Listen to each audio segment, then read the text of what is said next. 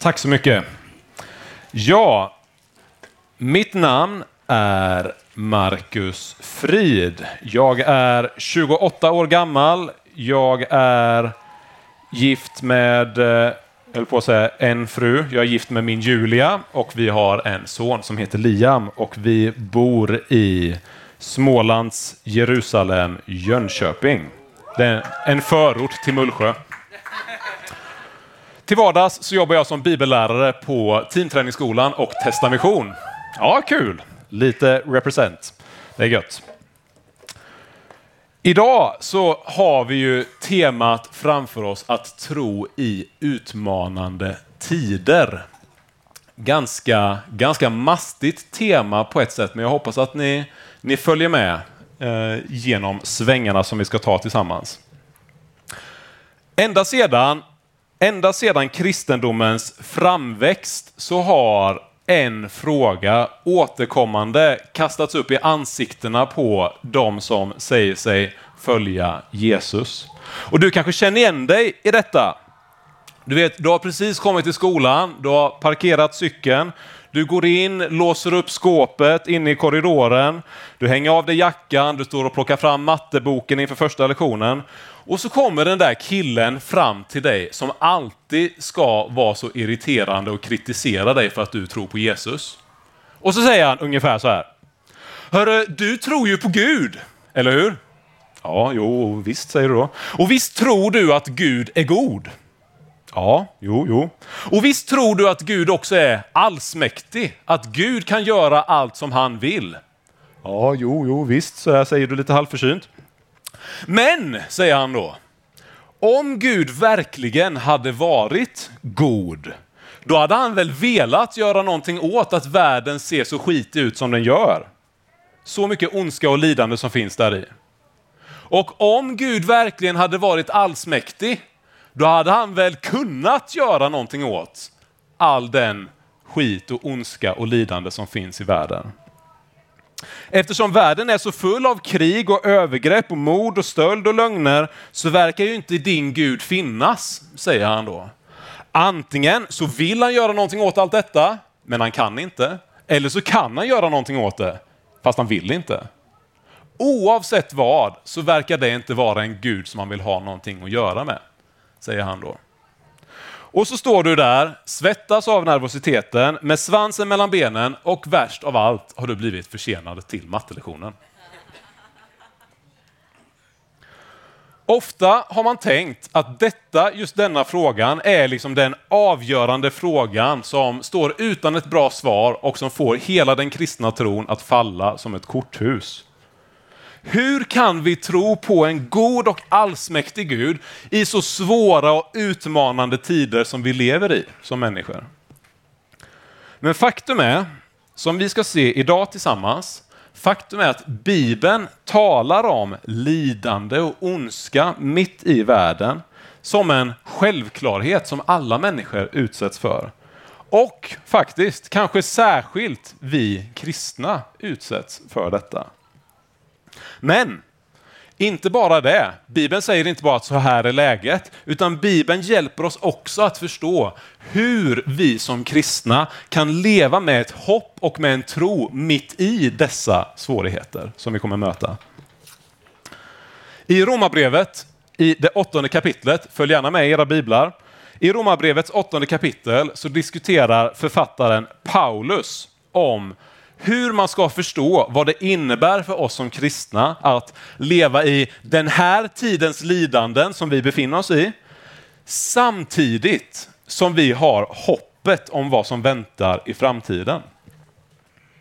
Det är nästan som om Paulus visste att Markus skulle stå där i Junedalsskolan i Jönköping 2000 år senare och veta vad han ska svara på den där frågan som skulle göra att han kom för sent till sin älskade mattelektion.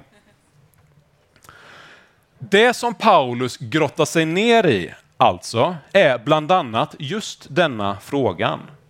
Hur kan man tro att det finns en god Gud, en allsmäktig Gud, när vi samtidigt befinner oss i så mycket utmaningar, så mycket rädsla, så mycket lidande och så mycket ondska? Och då landar Paulus i en vers där han sammanfattar hela sin tanke kring detta. Vi kan ta nästa slide. Där han säger i kapitel 8 och vers 28. Vi vet att allt samverkar till det bästa för dem som älskar Gud, som är kallade efter hans beslut. Bara i de här 19 orden så skickar Paulus med oss så mycket hjälp. Hjälp om hur vi i en värld som bubblar över av ondska, av lidande och av sorg, hur vi ändå kan tro tryggt och säkert på Jesus som våran räddare, som våran Gud. Så utifrån denna enda vers så ska vi nu försöka tugga på frågan hur kan vi tro i tider när det känns som att vi borde göra allt annat än att tro på Gud? Hur kan vi tro när världen befinner sig mitt i krig? Hur kan jag tro när jag känner mig sårad, ensam och orättvist behandlad i, mitt i mitt liv där jag befinner mig? Och vi ska konstatera tre saker tillsammans utifrån denna versen. Det första, Gud kommer samverka allt till det bästa, men allt är inte det bästa. För det andra, vi vet att detta sker, men vi vet inte hur detta sker. Och för det tredje, för den som älskar Gud. Så, vi tar de här i den ordning som vi nu listar upp dem. Vi kan ta nästa slide. Gud samverkar allt till det bästa, men allt är inte det bästa. Skulle jag kunna få min vattenflaska där? Tack snälla. Livräddan. Cliffhanger. Så, vi börjar med en handuppräckning. Föreställ dig två människor. Två av dem som du ser här på skärmen. Den ena är tant Tilda, kan vi kalla henne. Tant Tilda är 87 år gammal. Tant Tilda är kvarterets bullfarmor. Hon hälsar alltid på alla med ett leende. Hon ger pengar till Röda Korset och hon är älskad och omtyckt av alla hennes vänner, grannar och familj. Det enda som man kan anklaga tant Tilda för, det är att hon har inte förstått att när man ska baka kanelbullar, då måste man ta dubbelt med kanelfyllning för att de ska bli så goda som möjligt. Och att hon alltid serverar äckliga karameller som ingen tycker om när man frågar om hon har godis. Men tant Tilda är en idyllisk, godhjärtad och fin kvinna, älskad av alla runt omkring henne. Och sen har vi den andra människan. Vi har boven Bengt. Tant Tilda och boven Bengt. Bengt är en dömd mördare, tjuv, lögnare, rasist och har som sitt livsuppdrag att bryta mot i princip så många lagar som är fysiskt möjligt att göra. Tänk dig nu att de här två, tant Tilda och boven Bengt, tänk dig att de skulle torteras på det mest plågsamma sätt som du kan föreställa dig. Och nu kommer själva handuppräckningen. Vem tycker att det är mer hemskt, en större ondska, en större orättvisa att tant Tilda torteras plågsamt än att boven Bengt torteras plågsamt? Upp med en hand. Vilka tycker det är mer hemskt att tanten får lida plågsamt än att boven får göra det? Jag trodde det skulle vara lite mer enhälligt, men eh, Gud välsigne er som inte räcker upp handen. Nej, jag skojar. Alltså, jag skulle säga så här. Hoppas ni är med på detta. Man skulle kunna säga att ju mer oskyldig, ju mer god en människa är som drabbas av lidande eller av plåga och svårigheter, ju mer god den människan är, desto mer ont och desto större orättvisa blir det när den personen drabbas av någonting som är hemskt. Orättvisan blir större när en människa inte är förtjänt av att drabbas av den ondska som han eller hon genomgår. Alltså, jag skulle säga att det är vi, vår känsla för rättvisa säger att det är mer hemskt att den oskyldiga bullfarmorn Tilda skulle drabbas av något hemskt än att boven Bengt gör det. Så, nu är det slut på det sociala experimentet. Men nu då. Om vi har den här handuppräckningen eller den här frågan i bakhuvudet. Har du någonsin tänkt på vad Jesu lärjungar hade i sina tankar dagen efter att Jesus dog på korset? Alltså Jesus har inte uppstått än, utan han ligger i graven. Det är påskafton, det är lördag. Vad tror du går igenom lärjungarnas huvud just där och då? Vad var det som hände när Jesus dog på korset? För kom ihåg handuppräckningen nu. Jesus, enligt Bibeln, Jesus var den oskyldiga, den godaste, mest oskyldiga människan som någonsin hade levt. Mer oskyldig än tant Tilda. Han levde ett perfekt liv utan synd, utan ett enda snedsteg, utan att ha trängt sig före i kön till tacobuffén på Nyhem. Du vet vem det är. Utan ett enda gruskorn av dåligt uppförande eller dålig attityd och falskhet. Och Jesus, den godaste människan som världen har sett, utsattes för den mest plågsamma och fruktansvärda döden som man skulle kunna föreställa sig. Alltså, Jesu död, eftersom det var det mest plågsamma sättet att dö på och eftersom Jesus var den godaste, mest oskyldiga människan som världen någonsin har sett. Jesu död var den största ondskan, den mest orättvisa behandling som någon människa någonsin har genomgått. Men, nu kommer 10 miljoners frågan. Var denna världshistoriens största ondska som drabbade Jesus, var denna ondska helt meningslös och helt utan goda konsekvenser? Nej! Det var 50-50 där. Någon chansade fel, någon chansade rätt. Och varför var den inte helt meningslös? Jo, för vad är det som är en del av kärnan av den kristna tron? Det som gör den kristna tron till just goda nyheter. Jo, det är ju att Jesus dog. Att Jesus dog den död som vi förtjänar, vi som var syndare. Han gick in i vårt ställe. Han bar våra synder för att vi skulle få leva för evigt, som han förtjänar. Så summa kardemumma kan man säga att utan Jesu död, utan denna hemska handling, så finns inga goda nyheter. Utan Jesu död så finns ingen räddning för oss som kristna. Så häng med mig här nu. Det börjar snurra lite i hjärnkontoret fram och tillbaka. Får se om ni hänger med i svängarna. Den största ondska, den största orättvisa som någonsin har skett i världshistorien, Jesu död, planerade Gud, han samverkade det till det bästa genom att låta det vara sättet som han skulle rädda oss människor på till evigt liv. Vi som hade syndat och som hade vänt Gud ryggen. Eller, för att spetsa till det ännu mer. Om Gud inte hade bestämt att denna mest fruktansvärda och ondskefulla händelsen i världshistorien skulle ske, då skulle vi som kristna inte haft någon möjlighet att få evigt liv genom tron på Jesus, som blev möjligt genom hans död. Men vad betyder då detta för mig idag? Det har ju hittills inte så mycket att göra med mitt liv här och nu. Jo, nu kommer det.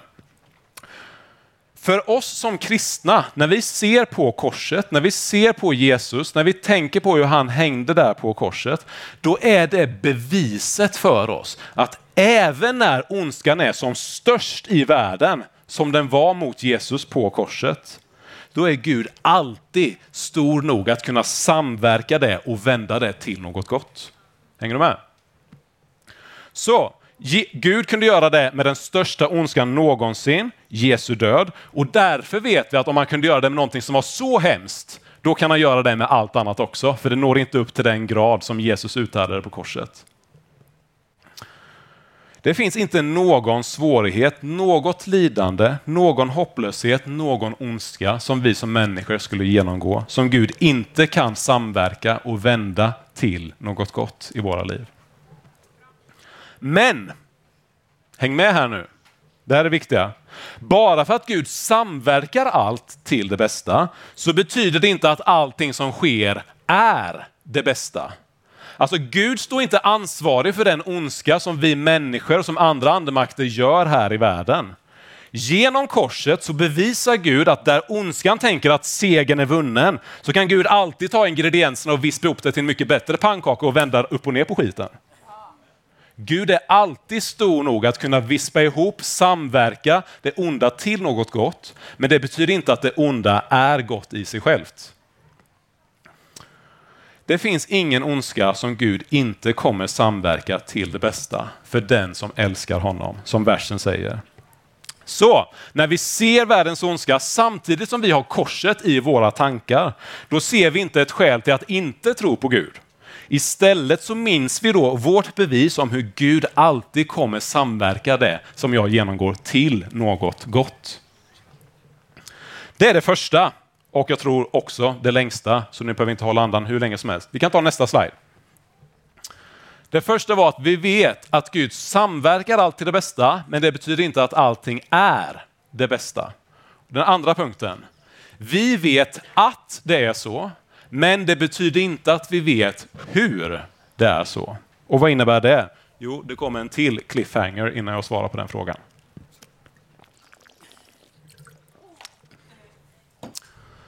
Ja, när jag säger detta så sitter du säkert här och kokar inombords med frågan. Marcus, hur kan du säga så? Hur kan detta och detta och detta som jag har upplevt kunna samverkas till något bra? Det är totalt meningslöst det som jag nu, genom, det som jag nu genomgår. Det finns ingen mening alls med det som jag har gått igenom. Jag kan inte förstå hur Gud skulle kunna vända detta till något gott. Och lyssna noga på mig nu. Jag håller med. Jag håller helt med dig när du säger det, när du uttrycker den känslan. För vi har alla saker som vi har gått igenom, som vi inte kan föreställa oss hur Gud skulle kunna samverka det till något gott. För ett år sedan, ungefär, ganska exakt tror jag, då skulle min då två månader gamle son Liam till vårdcentralen för en rutinundersökning tillsammans med min fru, sin mamma. Lyckligt ovetande kom Liam dit, buren i sin mammas famn och så började han undersökas. Sen från ingenstans så drabbades han av den antagligen värsta smärtan som han någonsin fram till den punkten i sitt liv hade upplevt. Han fick en metallpinne inkörd i varje ben av barnsköterskan och han skrek, han gallskrek och han grät och han blev så ledsen. Frågan är, var detta som Liam genomgick på barn, barnvårdscentralen, var detta ett meningslöst lidande? Återigen, 50-50, ja eller nej. Var det meningslöst att Liam fick ta del av vaccinationssprutor som skulle skona honom från fruktansvärda sjukdomar längre fram i livet? Eller var det så att den fruktansvärda smärta som Liam genomgick då skulle samverka till något gott? Som ett två månader gammalt spädbarn, då kunde Liam inte för allt i världen eller för allt smör i Småland, även fast vi är i Västergötland, så kunde Liam inte förstå hur det skulle kunna vara bra för honom att få grova, vassa metallpinnar hårt inkörda i benen. Men buren och tröstad i sin mammas trygga famn så kanske han ändå kunde lita på i någon mån att mamma var med honom och att hon hade mer koll än vad han hade. På liknande sätt, om vi tänker då att vi är spädbarnen burna i Guds famn, vad antar vi om oss själva när vi är mitt i smärtan, mitt i lidandet som vi genomgår? Vad antar vi om oss själva när vi säger, jag kan inte förstå hur Gud skulle kunna samverka detta och vända det till något bra? Jo, när vi uttrycker oss på det sättet, då antar vi att vi har full koll på all information som behövs för att utvärdera om det som jag går igenom skulle kunna bli till något gott eller inte. Det jag säger är, om jag inte kan förstå hur detta kan leda till något bra, då kan det inte heller göra det. Alltså, problemet kan vara, problemet blir att jag ser mig själv som allvetande, att jag vet allt som behöver vetas för att bedöma om det som sker i mitt liv är meningsfullt eller inte. Men Gud, Gud som är allvetande, Gud som är vår förälder, som äger den fulla kontrollen om alla vaccinationssprutor som vi får genomlida. Han har inte lovat att vi ska få veta hur det leder till det bästa. För kom ihåg versen som vi läste säger, stå, Paulus säger inte vi vet hur Gud samverkar allt till det bästa. Utan han talar bara ut löftet om att vi vet att Gud samverkar allt till det bästa. Men varför kan vi då inte få veta hur detta går till? Undrar vi då. Varför kan vi inte få bara veta hur det går till? Det hade varit så mycket lättare om vi bara fick se hur alla våra svårigheter skulle vändas till något gott. Eller hur? Så varför får vi inte göra det? Varför får vi inte veta? Jo, jag tror det är för att Gud vill inte att vi ska intala oss själva att vi har den totala kontrollen över våra liv som bara han ska ha. Alltså om Gud hade visat dig och mig exakt allting som vi skulle vilja ha svar på i våra liv, då skulle det inte finnas någon anledning alls för dig och mig att lita på honom. Att lita på någon, det betyder att jag litar på att du har kontroll, även när jag själv inte fullt ut fattar hur du har det. Så vi litar på att Gud kan vända allt som vi går igenom till något gott. Men det betyder inte att vi ska vänta oss att få se svaret på hur han gör det. Någon har sagt att Gud gör 10 000 saker i ditt liv just nu och du är medveten om tre av dem. Det finns så mycket som Gud gör på sätt som du inte skulle kunna beräkna eller se ens i närheten av så mycket som han gör i ditt liv. Och du ser ett, ett par eller tre ett par, tre trådar av dem, men resten finns bara inom hans kontroll, inom hans kunskap.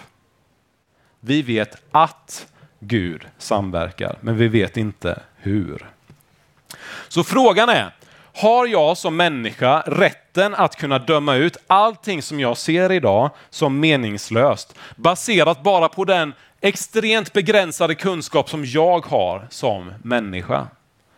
Bara för att jag inte kan se eller föreställa mig en bra anledning till varför Gud skulle tillåta att någonting händer, så betyder inte detta att anledningen inte finns.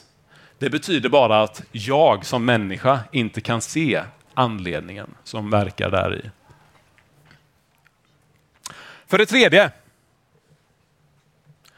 vi går till nästa slide, precis för den som älskar Gud. Först nu, det är bara ett par minuter kvar, men ställ er upp lite först, få ner lite blod i benen så att ni vaknar. Jag ser att det är några ögonlock som har slocknat igen. Det är helt fine, jag tar inte illa upp. Vi kan pratas vid senare. Men sträck på er lite, böj lite på benen i sådär sju sekunder till och sen så får ni sätta er ner. Så ja, gör som William. Och så varsågoda och sitt. Så, du är fortfarande kanske inte övertygad och jag förstår dig. Jag förstår att detta är liksom, det här är inte riktigt lättsmält vitt långfranska bröd. Det, nu snackar vi liksom grovt danskt rågbröd som man måste tugga i sådär tio minuter innan man sväljer tuggbiten. Även om du försöker påminna dig om att du inte alltid kan se hur Gud verkar i ditt liv, utan bara vet att han gör det, så känns det fortfarande alldeles för kraftigt uttryckt, tycker du, att säga att allting som jag genomgår skulle samverkas till något gott. Men frågan är ju då, när det står att allt samverkar till det bästa, vad är det då som är det bästa? Som Paulus pratar om här i Romarbrevet. Vad är det bästa? Vi gör ett till experiment. Och jag vet, nu är det ett farligt experiment för jag ber er att blunda lite. Men lova mig att inte somna, okej? Okay? Okej? Okay? Ja, bra. I alla fall ledarraden är med här. Resten får haka på också. Blunda och somna inte. Försök att föreställa dig hur himlen kommer se ut. Hur ser platsen ut dit du kommer när du har dött? Vad finns där? Alla dina nära och kära?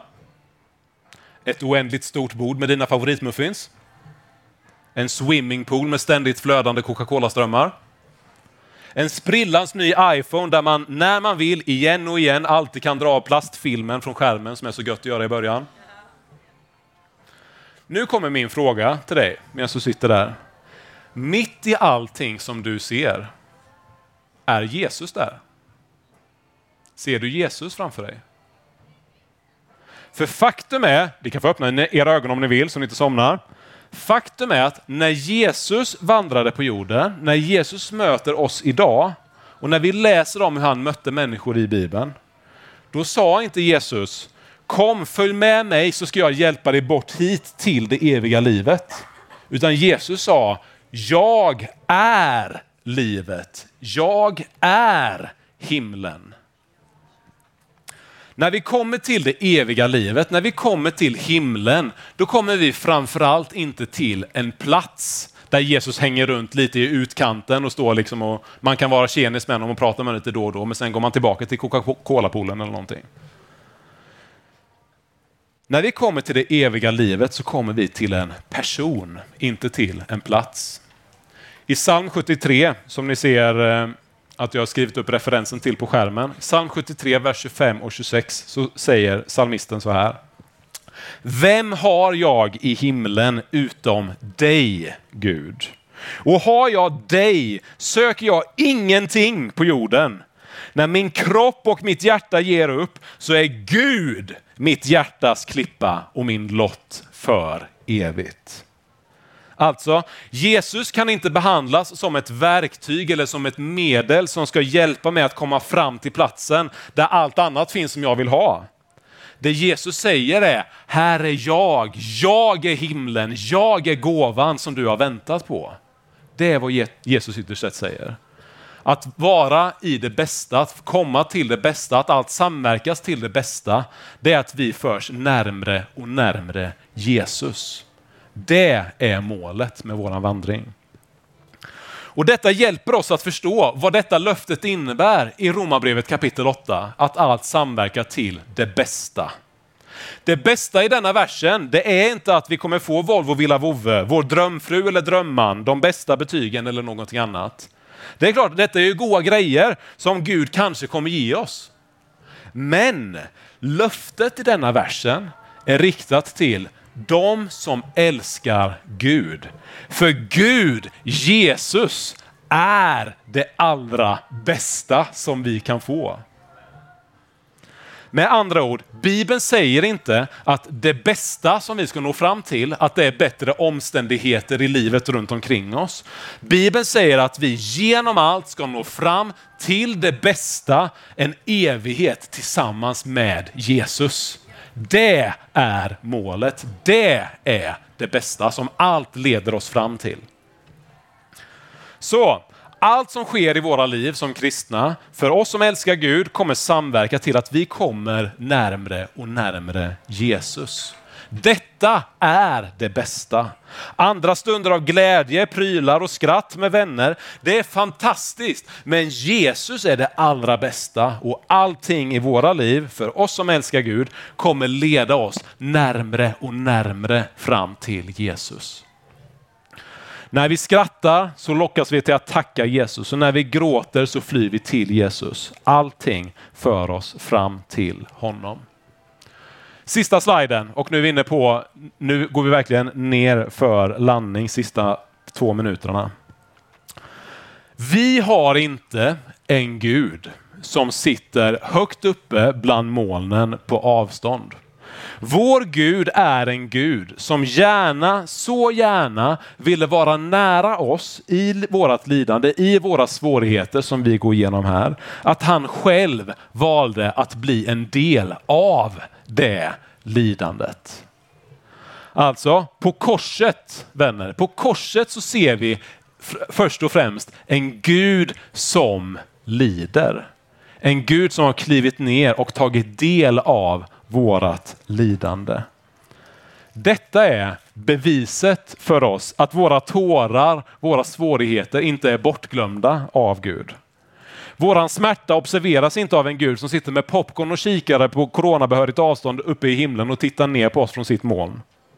Bibeln säger att vi har en Gud som känner medlidande med oss. En Gud som i sitt lidande offrade sitt eget blod för att vi skulle få leva tillsammans med honom.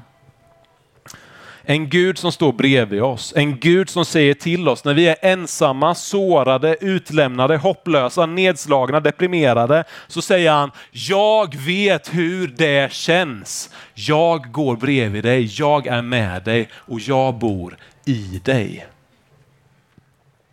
Så, med korset framför våra ögon, när vi ser och tänker på Jesus på korset, då ser vi fortfarande inte, jag är ledsen, vi ser fortfarande inte exakt hur allting hänger ihop.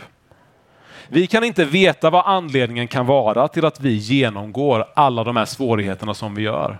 Men när vi har korset framför våra ögon så kan vi veta vad anledningen inte är. Anledningen kan inte vara att Gud inte älskar oss eftersom han valde att kliva ner och bli en del av vårt lidande.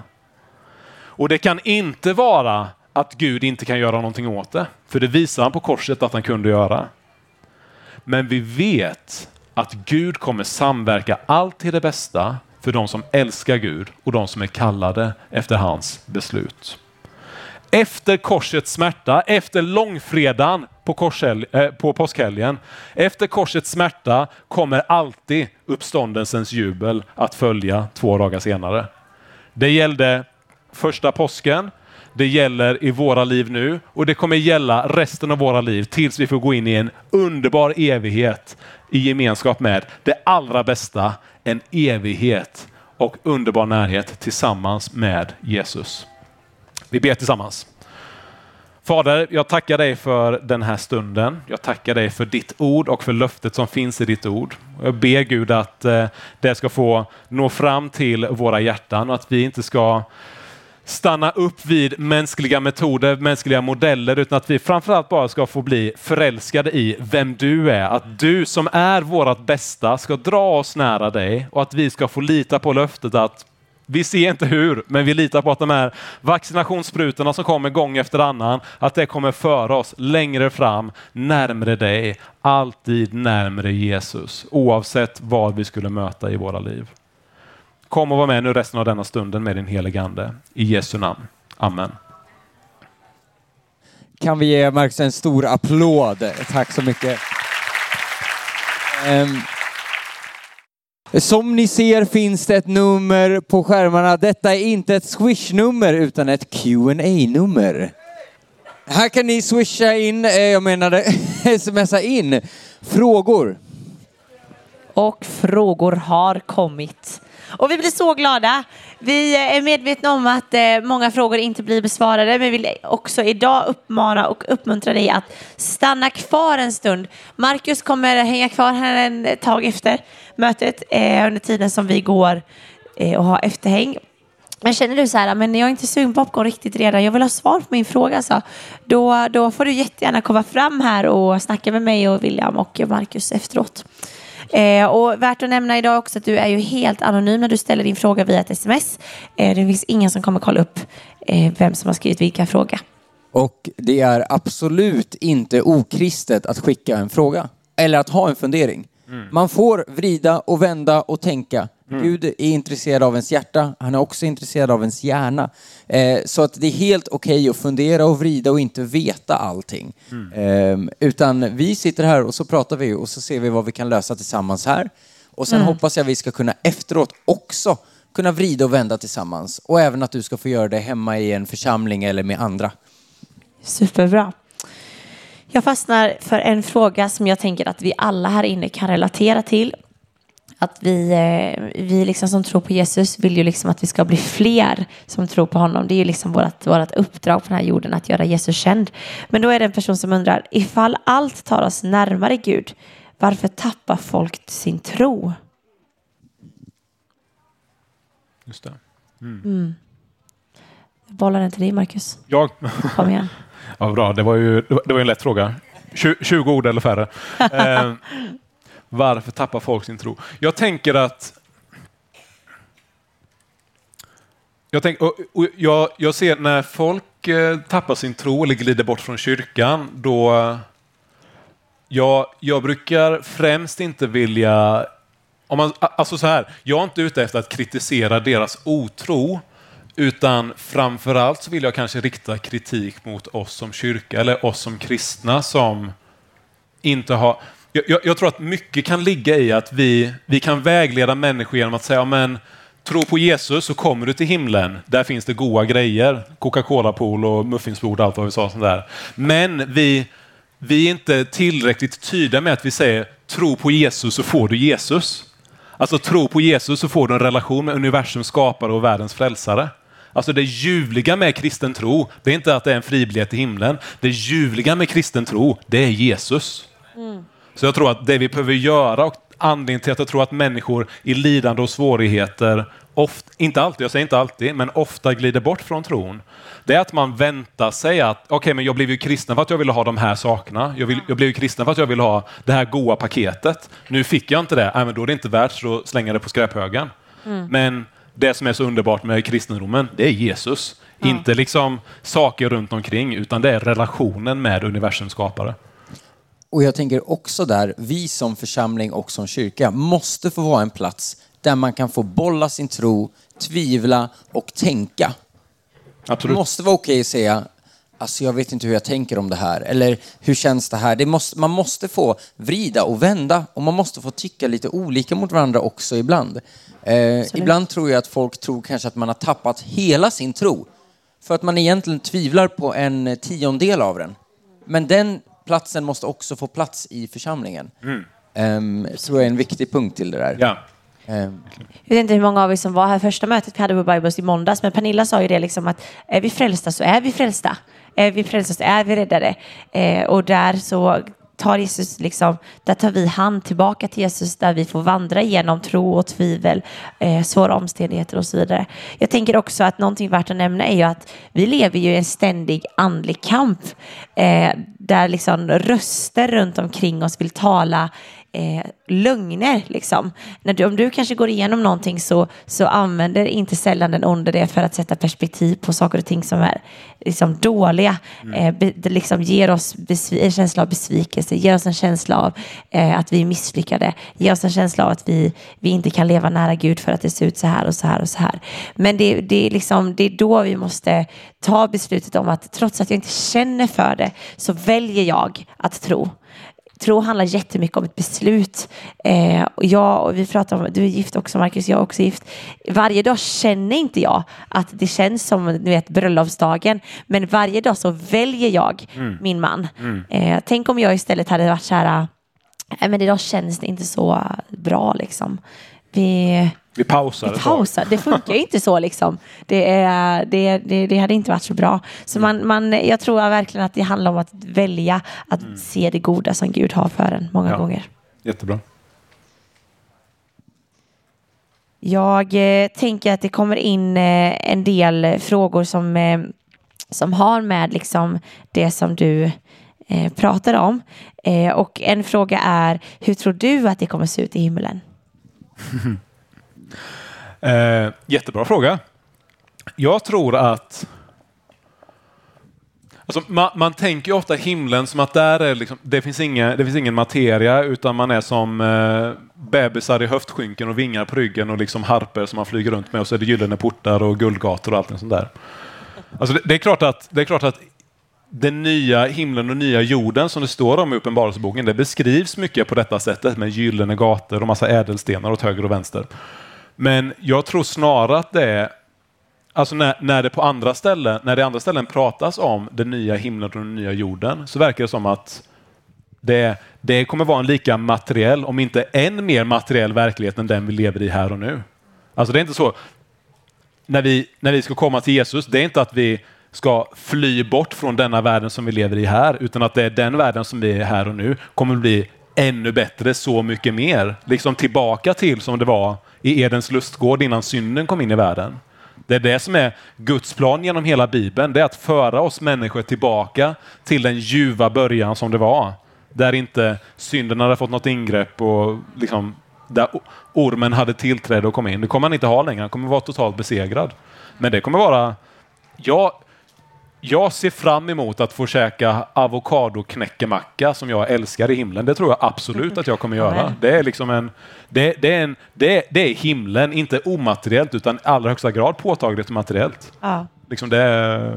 Med lite sa- flingsalt och chiliflakes på. Ja, men exakt. Precis. Kom igen. Och, men framförallt såklart, som vi sa innan, Jesus i centrum. En, en himmel utan Jesus, oavsett hur goda alla gåvor runt omkring är, det är helvetet. För Ja. Jesus är, himlen är per definition närvaron av Jesus. Ja, så bra. Det står eh, att eh, i citat, eh, Gud kommer att samverka allt till det bästa, men allt är inte det bästa. Det är ett citat det som den Ja. har tagit från din predikan.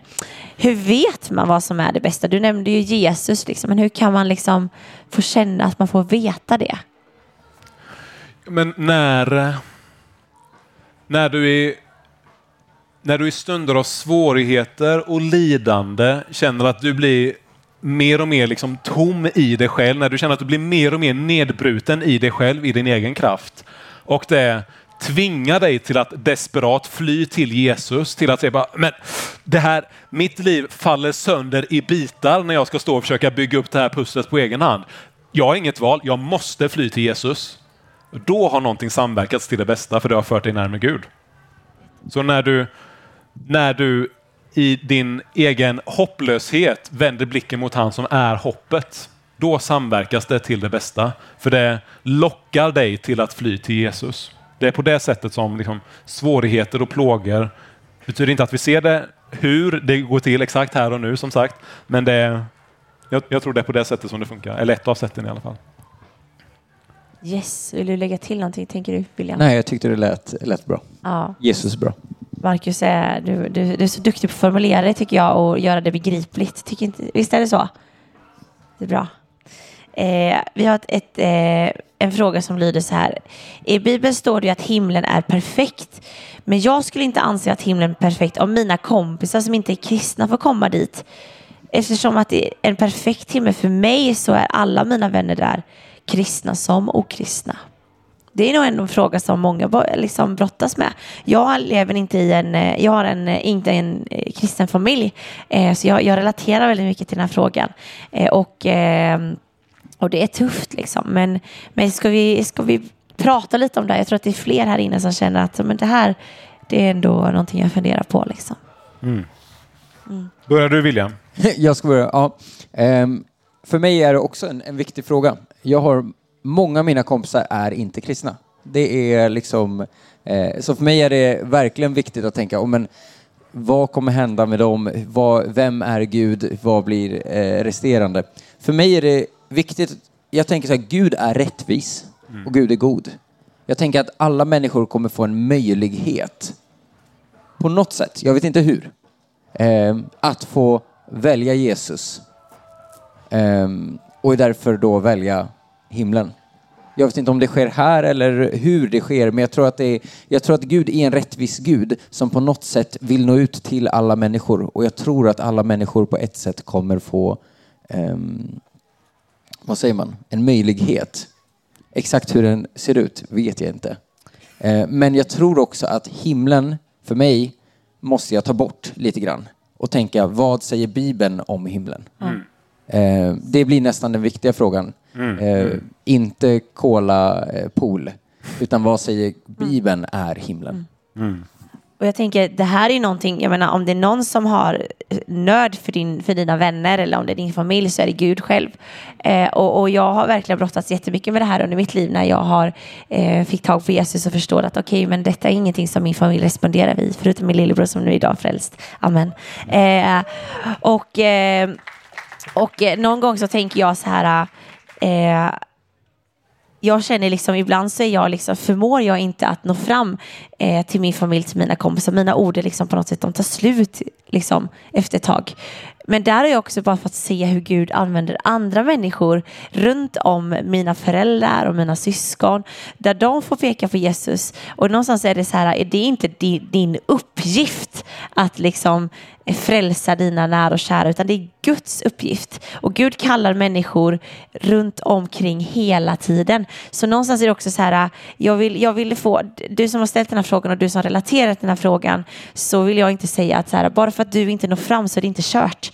Utan Gud har sin plan och vi har ingen aning. I Bibeln står att vi, vi kommer förundras över vilka vi kommer möta upp i himlen. Och det är någonting vi måste våga förtrösta på. Och det här är någonting som jag väljer att tro på. Jag väljer att ha tro för att min familj kommer dela himmelriket med mig eh, och alla andra som väljer att tro. För att någonstans, annars så skapar det liksom en distans mellan mig och Gud. Eh, där jag, det kan bli bitterhet, där det kan bli besvikelse och där. Och jag tror inte att det är, det bär inte frukt. Det som bär frukt är hopp. Det som bär frukt är tro på att Gud förmår mer än vad jag förmår och mer än vad jag kan tänka mig. Mm. Jag tror att ingen människa kommer hamna i helvetet som inte själv vill vara där. Jag tror att människor som, människor som kommer gå förlorade, för Bibeln är faktiskt smärtsamt tydlig med att det kommer vara det man brukar kalla för en dubbel utgång. Att det kommer vara en himmel som slutdestination och ett helvete som slutdestination. Sen mm. finns det olika, har varit debatter om just vad detta helvete kommer innebära. Men en sak är säker att det är evig frånvaro från Gud och att det är hemskt att vara där. Och jag tror att ingen, ingen kommer vara där som inte vill vara där. Och när vi när vi försöker skapa system eller när vi försöker, och tror jag då, göra våld mot vad Bibeln säger, och när vi så gärna vill att alla människor ska komma in i himlen, då, är det, då blir det som att vi vill fösa, fösa in människor till en plats där de själva inte kommer vilja vara. Alltså om vi föreställer oss, ja, ja men min kompis som är en råbarkad ateist, att, att jag säger till honom, men du kommer vara med i himlen i alla fall. Det blir ju det blir en förolämpning för honom, för han vill inte vara där. Han har ingen, han ingen längtan att få komma in inför Jesus och leva med honom i evighet. Så det, någon har sagt någon gång, jag, jag tror det är C.S. Lewis som skrev Narnia-böckerna, att det finns, ytterst sett så finns det två sorters människor. Det finns, människa, det finns den typen av människa som säger till Gud, Gud låt din vilja ske. Och sen finns det den typ av människa som Gud säger till människan, människa, nu får din vilja ske. Alltså att människor döms bort till en evig frånvaro från Guds härlighet. Det är inget mer än vad de själva vill. Det är det som de önskar med sitt hjärta, för de har, det är människor som har valt att vända Gud ryggen och som har valt bort gemenskapen med honom. Det är, det, som, det är just detta som Bibeln beskriver som synd, att man väljer att lyssna på sig själv och lyssna på, lyssna på annat än att just ge sitt hjärta ytterst mm. till vem Gud är. Yes. Men det här kan man prata så mycket och länge ja. om. Så det... Och, men där kopplar du samman lite något vad vi pratade om första dagen. Finns det någon synd som är oförlåtlig? Mm. Och jo, en om man säger till Gud, jag vill inte bli förlåten. För att han respekterar det valet. Mm. Av att, okej, okay, du vill inte bli förlåten, då kommer jag inte tränga på min förlåtelse. Så Gud är kapabel mm. till att förlåta. Precis. Ingen människa kommer dras motvilligt åt ena eller andra hållet. Utan det kommer vara, där människor hamnar kommer det vara helt i enlighet med deras egen vilja. Åt ena eller andra hållet. Mm. Så spännande. Och jag tänker att vi ska avsluta med en eh, sista fråga. Eh, och det kanske är en fråga som ändå som man liksom underskattar lite eh, och kanske ändå vill, vill vara kapabel till att motivera det här med. Det, frågan lyder varför ska man inte svära? Eh, och eh, det gör ju människor. Jag gjorde det innan jag blev frälst. Eh, jag känner. Eh, och jag får ofta den frågan faktiskt av min stora syster så här, men hon bara, men om du slår lilltån Louise, Alltså det, är så här, det gör så fruktansvärt ont. Då vill du ju svära. Och jag bara, nej. Och det är så här, det, jag tror att det är en ganska vanlig grej att här, man liksom skiljer på, men du, om du är kristen då svär inte du. Men det kanske kan vara gött att få en motivering till varför. Men jag tänker att mycket med, eh, mycket med vad vi säger, vare sig vi tänker på det eller inte, så tror jag att med de, med de ord som vi säger, med saker som vi säger, så skapar vi, vi, vi skapar liksom band och associationer till det som orden representerar.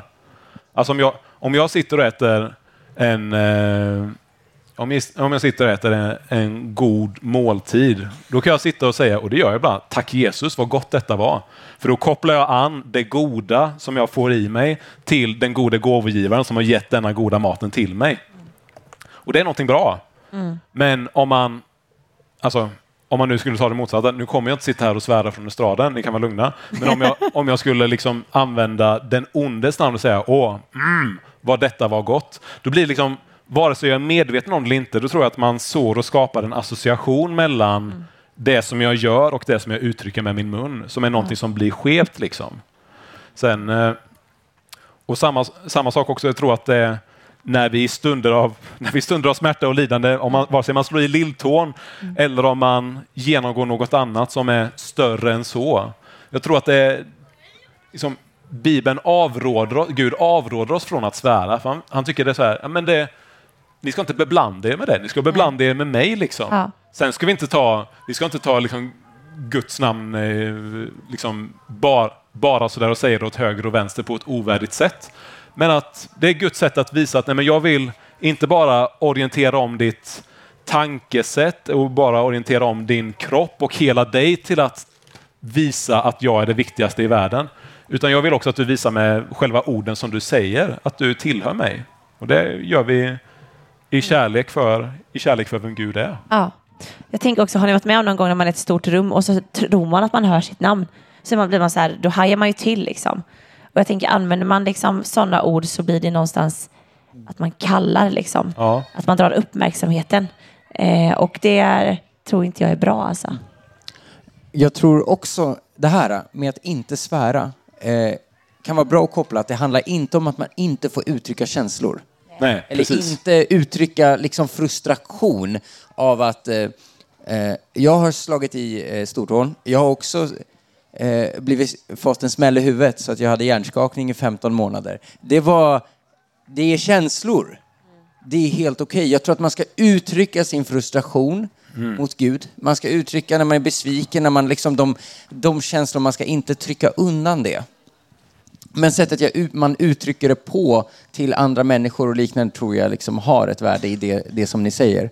Eh, men just det här med att bara för att man inte ska svära betyder det inte att man inte eh, får uttrycka sina känslor. Viktigt. Jättebra. Får jag göra ett inspel här? Sista? Kör. Förlåt. Varsågod. Nej, men, eh, jag, jag tänker just på att uttrycka sina känslor. Det är så, om ni vill se bevis på det i Bibeln, läs Saltaren, den, den största boken i Bibeln som finns i Gamla Testamentet. Där finns det särskilt en psalm, 88, psalm nummer 88 i den boken. Den, den är den salmen är, och förstår man, den salmen är deprimerande rätt igenom. För det är en snubbe som hatar sitt liv. Han mår så fruktansvärt dåligt. Det, han tackar inte Gud, han är inte glad för Gud, han tycker att livet är piss, allting suger. Men det som gör det till en sån vacker psalm, anledningen till att den finns med i Bibeln, är att han säger att livet är piss och han säger det till Gud. Att han säger, Gud, alltså den sista raden, när man tänker så här, att ja, men nu vänder det och blir lite positivt i slutet. Den sista raden i hela salmen så säger Gud, Gud, min bästa kompis är mörker. Kul! Bra, Nej. uppmuntrande. Men det viktiga är att han säger precis vad han känner och han säger det till Gud. Så just, det, just som William säger, uttryck känslorna. Säg hur ni mår, men säg det inför Gud. Dra, in, dra inte till dig liksom Få, som Louise sa, gör inte så att Satan hajar till när du säger hans namn istället. Gör så att Gud hajar till. Ropa inför Gud. Visa din frustration för honom. Det är så man ska be. Det är så, så man ska tala. Härligt. Hörni, vi ger en varm applåd till Marcus för en fantastisk predikan.